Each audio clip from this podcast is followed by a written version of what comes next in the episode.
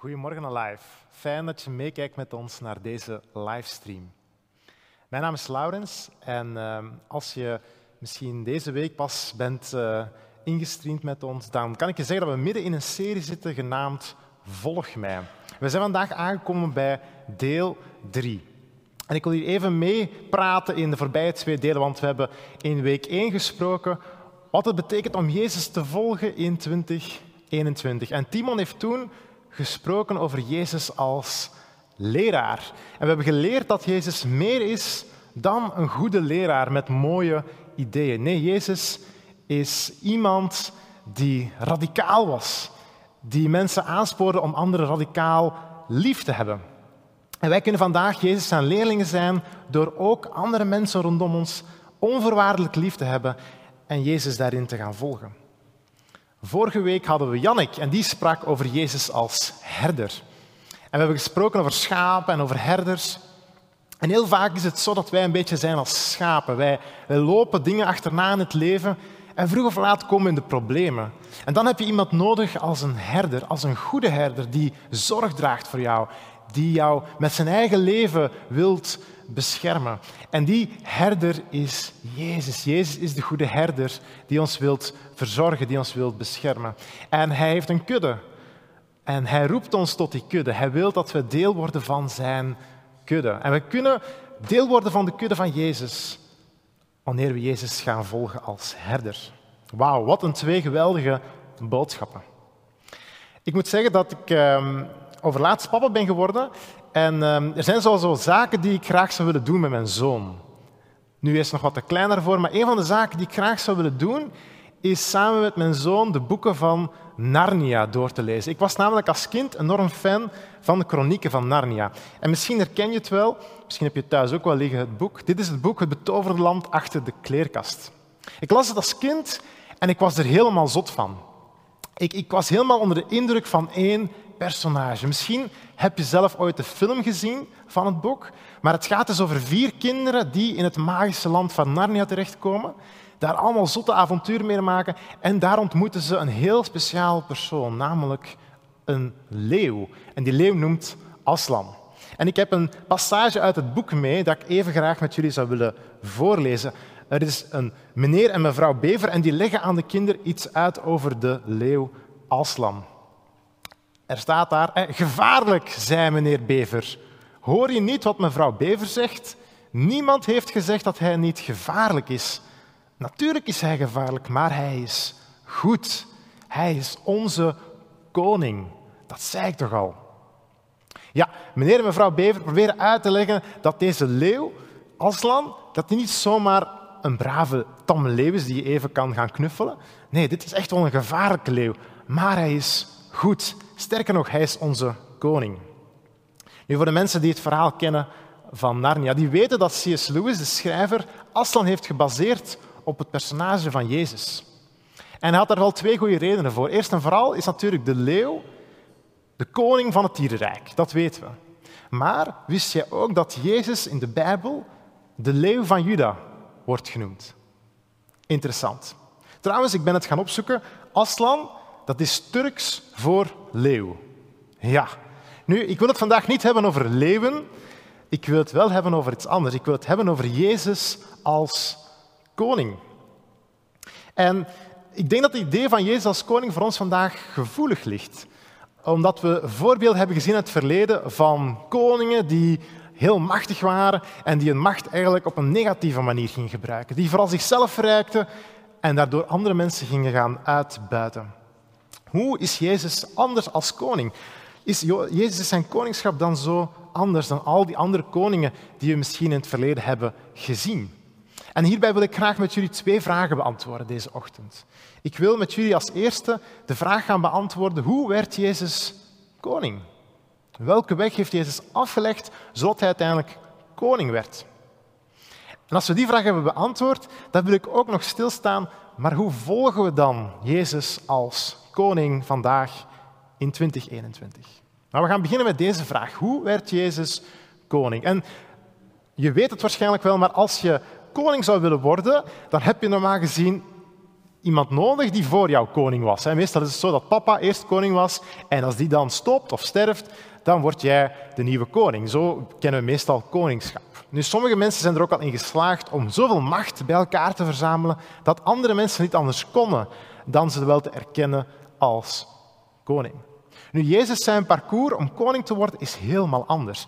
Zijn, zijn papa was niet al een koning in uh, Judea en um, hij heeft ook niet de macht gegrepen.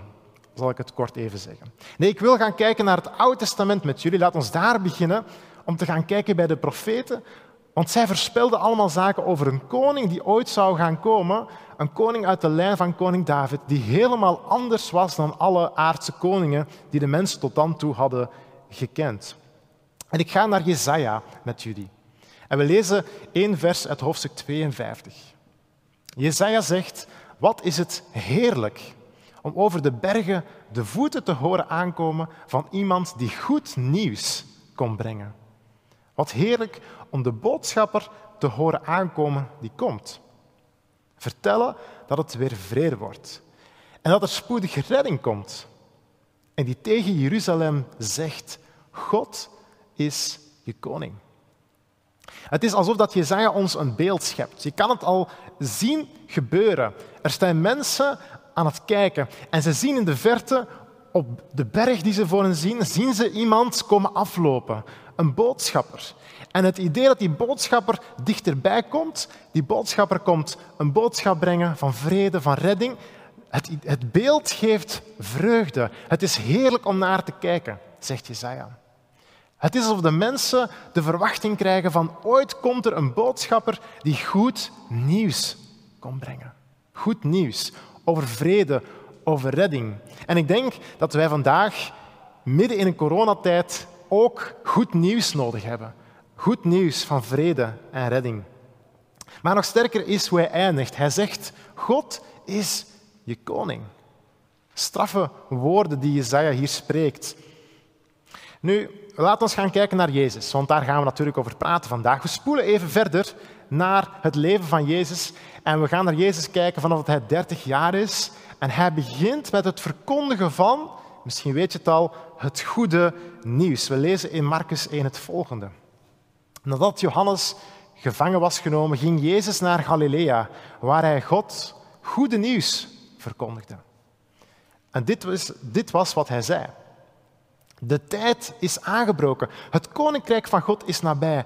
Kom tot inkeer en hecht geloof aan dit goede nieuws. Jezus die begint de mensen te vertellen, ik heb goed nieuws voor jullie. De tijd is aangebroken. Ga geloven in het goede nieuws. Er komt een betere tijd aan. Gods koninkrijk zal aanbreken.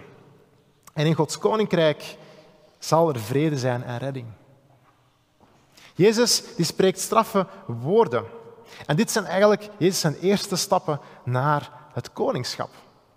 En het eerste punt dat ik graag met jullie wil delen, dat is dat koning Jezus heerlijk is. Koning Jezus is heerlijk. Net zoals die boodschapper die we daarnet van de verte zagen aankomen lopen, heerlijk was om naar te kijken, is het ook heerlijk om naar koning Jezus te gaan kijken. En de opdracht hierbij is, geniet van het goede nieuws. Geniet van het goede nieuws. Ik zei het daarnet al, dat wij vandaag in heel de lockdown, we hebben al zo'n jaar bijna achter de rug, we hebben nood eindelijk aan goed nieuws. We willen perspectief, we willen hoop hebben dat in de toekomst we terug vrij zijn, coronavrij zijn als het ware. Maar dit evangelie, dit goede nieuws gaat nog veel verder. En het goede nieuws waar Jezus over spreekt, dat noemen we het evangelie. Dat is letterlijk zeggen goed nieuws. Het idee dat God koning zou gaan worden en dat zijn koninkrijk zou gaan aanbreken waar vrede en redding is. Jezus die profileert zich eigenlijk als de boodschapper waar Jezaja daar straks over sprak. Diegene die het goede nieuws van God zou komen brengen. En hoe zit het dan met ons? Als jij Jezus kent, geniet je dan nog van het goede nieuws? Word je nog blij als je denkt aan Jezus? Misschien dat je ooit helemaal in het begin, toen je een keuze maakte voor Jezus, dol enthousiast was en vol enthousiasme en, en vreugde, yes, zei. Maar misschien ondertussen de naam Jezus al niet meer zo yes is, maar eerder Hm. Hoe zit dat bij jou? Ervaar je nog vreugde? Geniet je nog van Jezus? Ik denk dat heel vaak wij als mensen de neiging hebben om onze vreugde in spullen of in status te gaan zoeken. Iedereen van ons heeft het ergens wel waar we het gaan zoeken. Maar we weten dat we daar niet echt diepe vreugde in kunnen vinden. Maar we kunnen wel diepe vreugde gaan vinden in Jezus. Het gaat om onze relaties. Als we kwaliteitsvolle relaties hebben, dan ervaren we diepe vreugde daaruit. En daarom de opdracht, laat ons genieten van het goede nieuws. Laat ons genieten van Jezus. Besef dat Jezus jouw vrede is, dat Hij jouw redder is. Nu, Jezus die praat over uh, het evangelie, het goede nieuws, dat geeft nogal snel een wauw-effect. Mensen komen luisteren naar hem en ze geraken onder indruk van Jezus zijn toespraken. Niet alleen zijn toespraken, ook van de wonders die hij doet. En we lezen in Johannes 6 het volgende over Jezus. De mensen zagen dat Jezus een wonder gedaan had en ze zeiden, ja, hij is de profeet. Hij is de boodschapper die naar de wereld zou komen. Ze wilden hem meenemen om hem koning te maken. Ik zou hier misschien al de preek kunnen eindigen en zeggen, kijk, zo werd Jezus koning. Maar dat is niet hoe het verhaal ging. Jezus wist dat en daarom liep hij weg. Hij ging de berg weer op, alleen. Kijk, Jezus was niet gekomen om even koning te worden. En hij had eigenlijk zijn momentum. Dit was het, het piekmoment. De mensen waren enthousiast. Ze waren helemaal voor Jezus. Ze zagen het. Ja, hij is het. Hij is onze man. Hem moeten we tot koning maken. En dan zijn alles de problemen van de baan. Weet je, dan, dan kan Jezus de Romeinen buitensmijten, die ons al de hele tijd onderdrukken en waar we zware belastingen aan moeten betalen. En dan kunnen we ook ineens alle slechte heersers die ons volk onderdrukken buitensmijten. En dan hebben we Jezus. Voilà, dat was de verwachting van mensen. Ze dachten, Jezus die praat hier over het goede nieuws. Hij zal wel koning willen worden. Hij zal het wel allemaal anders willen gaan doen. Maar Jezus die distancieert zich eigenlijk van de mensen en hij gaat alleen de berg op. En hij doet dat, denk ik, omdat zijn, zijn missie om het goede nieuws te gaan verkondigen niet zou vervallen in een ander soort doel dat hij niet wou. Hij wou dat God koning werd. Hij wou niet dat uiteindelijk hij een van de zoveelste aardse koningen zou worden, waar het uiteindelijk toch weer om macht zou gaan draaien en niet om het goede nieuws. En Jezus zijn koningschap, dat is het tweede punt, is ook gevaarlijk. Ha, dat is een raar idee.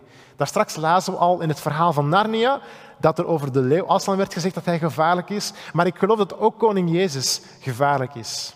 En de opdracht hierbij is, wees een dienaar.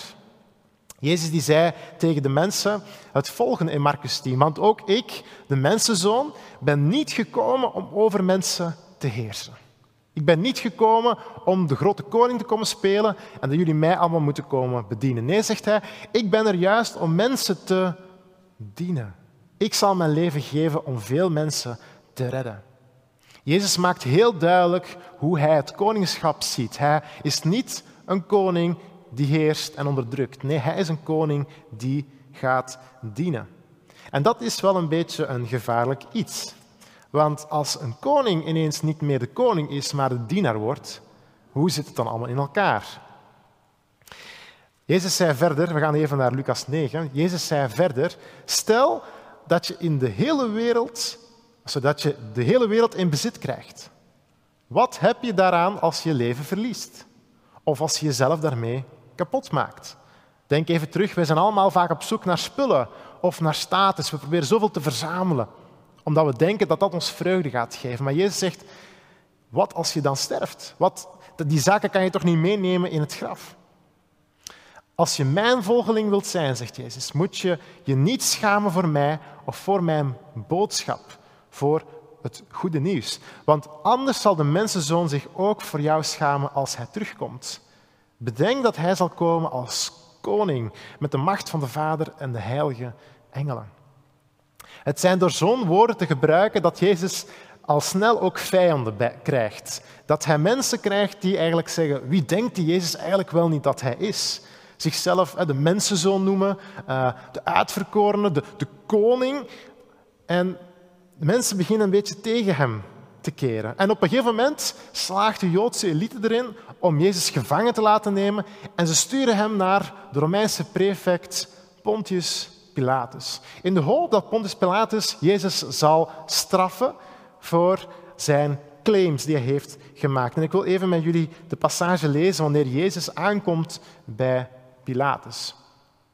Pilatus ging zijn paleis weer binnen en hij liet Jezus bij zich komen en vroeg aan hem, bent u de koning van de Joden?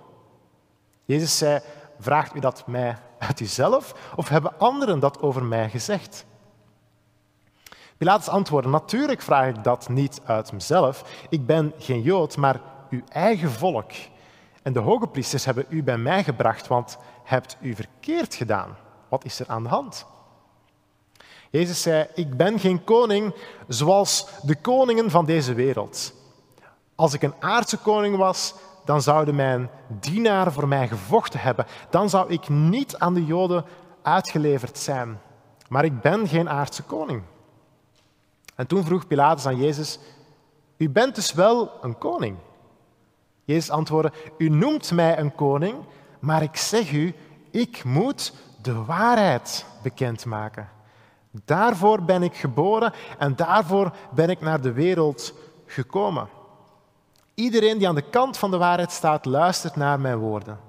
Toen zei Pilatus, wat is waarheid? Jezus die distancieert zich hier duidelijk van het aards koningschap. Aardse koningen die vooral bezig zijn met hun eigen macht, met hun eigen positie en die daardoor vaak andere groepen, grote groepen mensen gaan onderdrukken of slecht gaan behandelen. En Jezus zegt, ik ben geen aardse koning. Ik ben niet eens zoals die vele koningen die uiteindelijk zichzelf hoger plaatst dan de mensen. Herinner u, Jezus is de dienaar. En hij komt in de problemen wanneer hij voor Pilatus verschijnt. En Pilatus die begrijpt Jezus niet. Hij begrijpt Jezus niet als koning. De massa, hadden we daar straks gezien, die hadden hun verwachting van de koning. Zij dachten, die Jezus die gaat die Romeinen buitensmijten.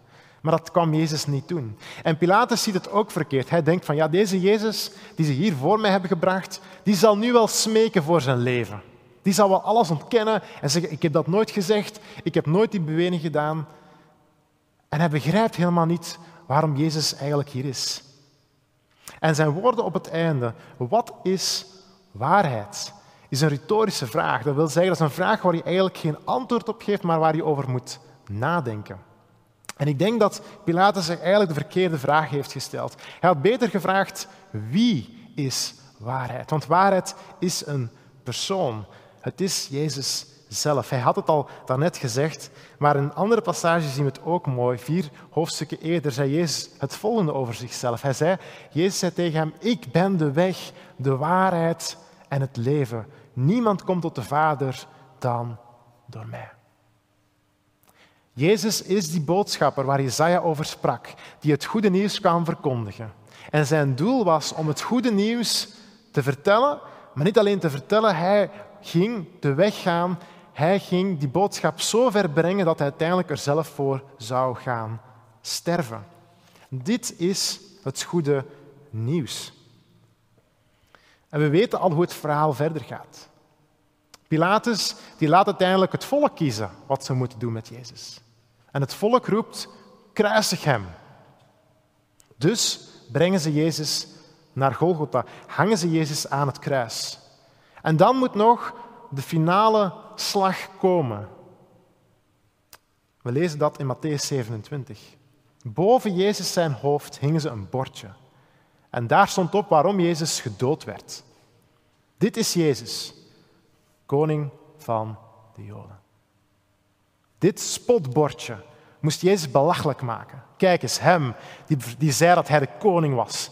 Die zei dat hij speciaal was. Zie hem hier nu hangen aan dat kruis. Ha, mensen hebben hem uitgelachen. Maar net dit bordje, koning van de Joden, vertelt de waarheid. Dit is de weg die Jezus ging, de weg naar het kruis, is het goede nieuws. Dit is de manier hoe Jezus uiteindelijk koning werd door te sterven voor jou en mij aan het kruis, voor onze fouten. Zo werd God koning. En dat brengt me bij het laatste punt. Koning Jezus is waardig. Hij is het waard. En de opdracht die we daarbij krijgen is aanbid de naam van Jezus. En ik wil eindigen met een, een stuk dat Paulus heeft geschreven aan de Filippenzen. En Paulus die beschrijft eigenlijk wat het wil zeggen als we zeggen koning Jezus is waardig. Hij zegt het volgende in Filippenzen 2. Laat onder u de gezindheid heersen die Christus Jezus had. Hij die de gestalte van God had, hield zijn gelijkheid aan God niet vast, maar deed er afstand van. Hij nam de gestalte aan van een slaaf of van een dienaar, zouden we kunnen zeggen, en werd gelijk aan een mens. God, die werd mens in Jezus. Niet om te heersen, maar om een dienaar te worden voor ons. En als mens verschenen heeft hij zich vernederd en werd gehoorzaam tot in de dood. De dood aan het kruis. Jezus ging tot, in, tot aan het kruis voor ons. Daarom heeft God hem hoog verheven en hem de naam geschonken die elke naam te boven gaat. Opdat een naam van Jezus elke knie zich zal buigen, in de hemel, op de aarde en onder de aarde. En elke tong zal beleiden, Jezus Christus is Heer, tot eer van God de Vader. Wauw, Jezus is de hoogste naam van alle namen. Jezus zijn naam is krachtig, is machtig. Want elke knie zal buigen voor hem, elke tong zal erkennen dat hij koning is, dat hij Heer is. En als we de keuze maken om Jezus te gaan volgen, als we Hem gaan erkennen als onze koning, dan is onze reactie automatisch aanbidding. We kunnen niet anders dan Jezus dankbaar zijn, dan Hem groot te maken, dan te zeggen, ja, Jezus, uw naam is de hoogste naam van alle namen. U verdient het om grote koning te zijn over mijn leven. En, en dan gaan we liederen zingen, dan gaan we bidden tot God, dan gaat God centraal komen te staan in ons leven. Goed, we hebben de eerste vraag beantwoord. Hoe werd Jezus koning? Door uiteindelijk te sterven aan het kruis voor ons. Maar de tweede vraag is dan, hoe volg ik Jezus als koning? Hoe kan ik iemand die 2000 jaar geleden op deze aardbol rondliep, hoe kan ik die vandaag nog gaan volgen? En eigenlijk heb ik het doorheen heel de preek al verteld. En je kan het samenvatten in deze drie zaken. Eerst en vooral, geniet van Jezus elke dag. Neem Jezus niet als vanzelfsprekend. Ga genieten. Ga vreugde vinden in Jezus. Misschien ben je dat kwijt. Misschien was het ooit in het begin zo, maar ben je dat onderweg kwijtgeraakt. Sta hier terug bij stil en ga misschien tegen God zeggen van, ja God, ik wil terug vreugde vinden, ik wil terug genieten van U. Een tweede zaak die we kunnen gaan doen, is een dienaar worden van het goede nieuws. En dat kan je misschien doen door mensen te gaan vertellen over wie Jezus is in jouw leven, maar nog veel krachtiger is het wanneer we een dienaar gaan worden voor de mensen rondom ons. Als we mensen gaan dienen zonder reden, zonder iets terug te verwachten, dan wordt het goede nieuws een realiteit en dan komt er een rijk van herstel en van vrede. Het derde en laatste ding dat we kunnen gaan doen is de naam van Jezus gaan aanbidden boven elke situatie die er is. En ik zei het al, we hebben zo'n nood vandaag aan goed nieuws. Maar we hebben al iets krachtigs gekregen. We hebben de naam van Jezus. En we kunnen die naam gaan verheven boven elke situatie, boven elk probleem. En zeggen, Jezus, u bent koning. U bent krachtiger, u bent machtiger dan de situatie waarmee ik geconfronteerd word. Als je dat gaat zeggen, dan is Jezus de koning in jouw leven. En ik wil terug even stappen naar mijn favoriete kinderboekenreeks, de Chronieken van Narnia. Want de schrijver C.S. Lewis die wou niet alleen Jezus als koning op een leuke manier gaan voorstellen, als leeuw dan. Nee, hij moedigde ook zijn lezers aan om op zoek te gaan naar de echte koning. Om op zoek te gaan naar Jezus en die persoon te leren kennen. En Aslan die vertelt in een ander boek het volgende aan de kinderen. Hij zegt daar, maar daar heb ik een andere naam. Bij die naam moeten jullie me leren kennen. Dat is de enige reden waarom jullie naar Narnia zijn gehaald. Jullie hebben me hier een poosje gekend, zodat jullie me daardoor beter zullen leren kennen in jullie eigen wereld. C.S. Lewis zijn verlangen was dat mensen de echte koning zouden leren kennen, dat mensen Jezus zouden leren kennen. Het gaat om relatie. En dat is mijn vraag aan jou. Ken jij Jezus al? Is Jezus jouw koning? Dit gaat verder dan het eens zijn met zijn ideeën als leraar of naar de kerk te komen en te zeggen, hij is mijn herder. Nee, Jezus als koning, dat wil zeggen hem erkennen, hem de hoogste plaats geven in jouw leven. En misschien is dit voor jou iets helemaal nieuws. En heb je dit nog nooit zo gehoord of begrepen, dat Jezus gestorven is voor jou en mij? Maar dan kan je vandaag, hier en nu, de stap nemen samen met mij, door met me mee te bidden, om Jezus te gaan erkennen als koning over jouw leven. En dan nodig ik je uit om zo dadelijk met me mee te bidden. Ken je Jezus al langer als koning over jouw leven, maar ben je zo'n beetje afgegleden? Heb je het gevoel van, ik word er eigenlijk niet meer zo enthousiast van. Hij is niet meer echt de belangrijkste of de hoogste naam in mijn leven. Dan daag ik je ook uit om met me mee te bidden en opnieuw te erkennen dat Jezus de hoogste naam is in jouw leven. Bid met me mee. Heer Jezus, u bent het waardig. U bent waard om aanbeden te worden, Heer. Dank u wel dat u de weg bent gegaan van het kruis. Dat u ervoor koos om te sterven in mijn plaats. Heer, u bent de grootste koning. U hebt de hoogste naam. Ik herken dat en ik wil u volgen. Heer, kom in mijn leven. Verander mij. Breng uw goede nieuws in mijn leven, zodat ik vreugde mag herkennen. Help mij om een goede dienaar te zijn voor anderen. Heer, help mij om een levensstijl van aanbidding te volgen, waar ik U de hoogste plaats geef, waar U de hoogste naam hebt, Heer. Dank u wel voor alles wat u deed voor mij, dat u mij lief hebt, Heer. Leer mij om ook meer en meer van U te houden. Dat bid ik in Jezus' naam. Amen.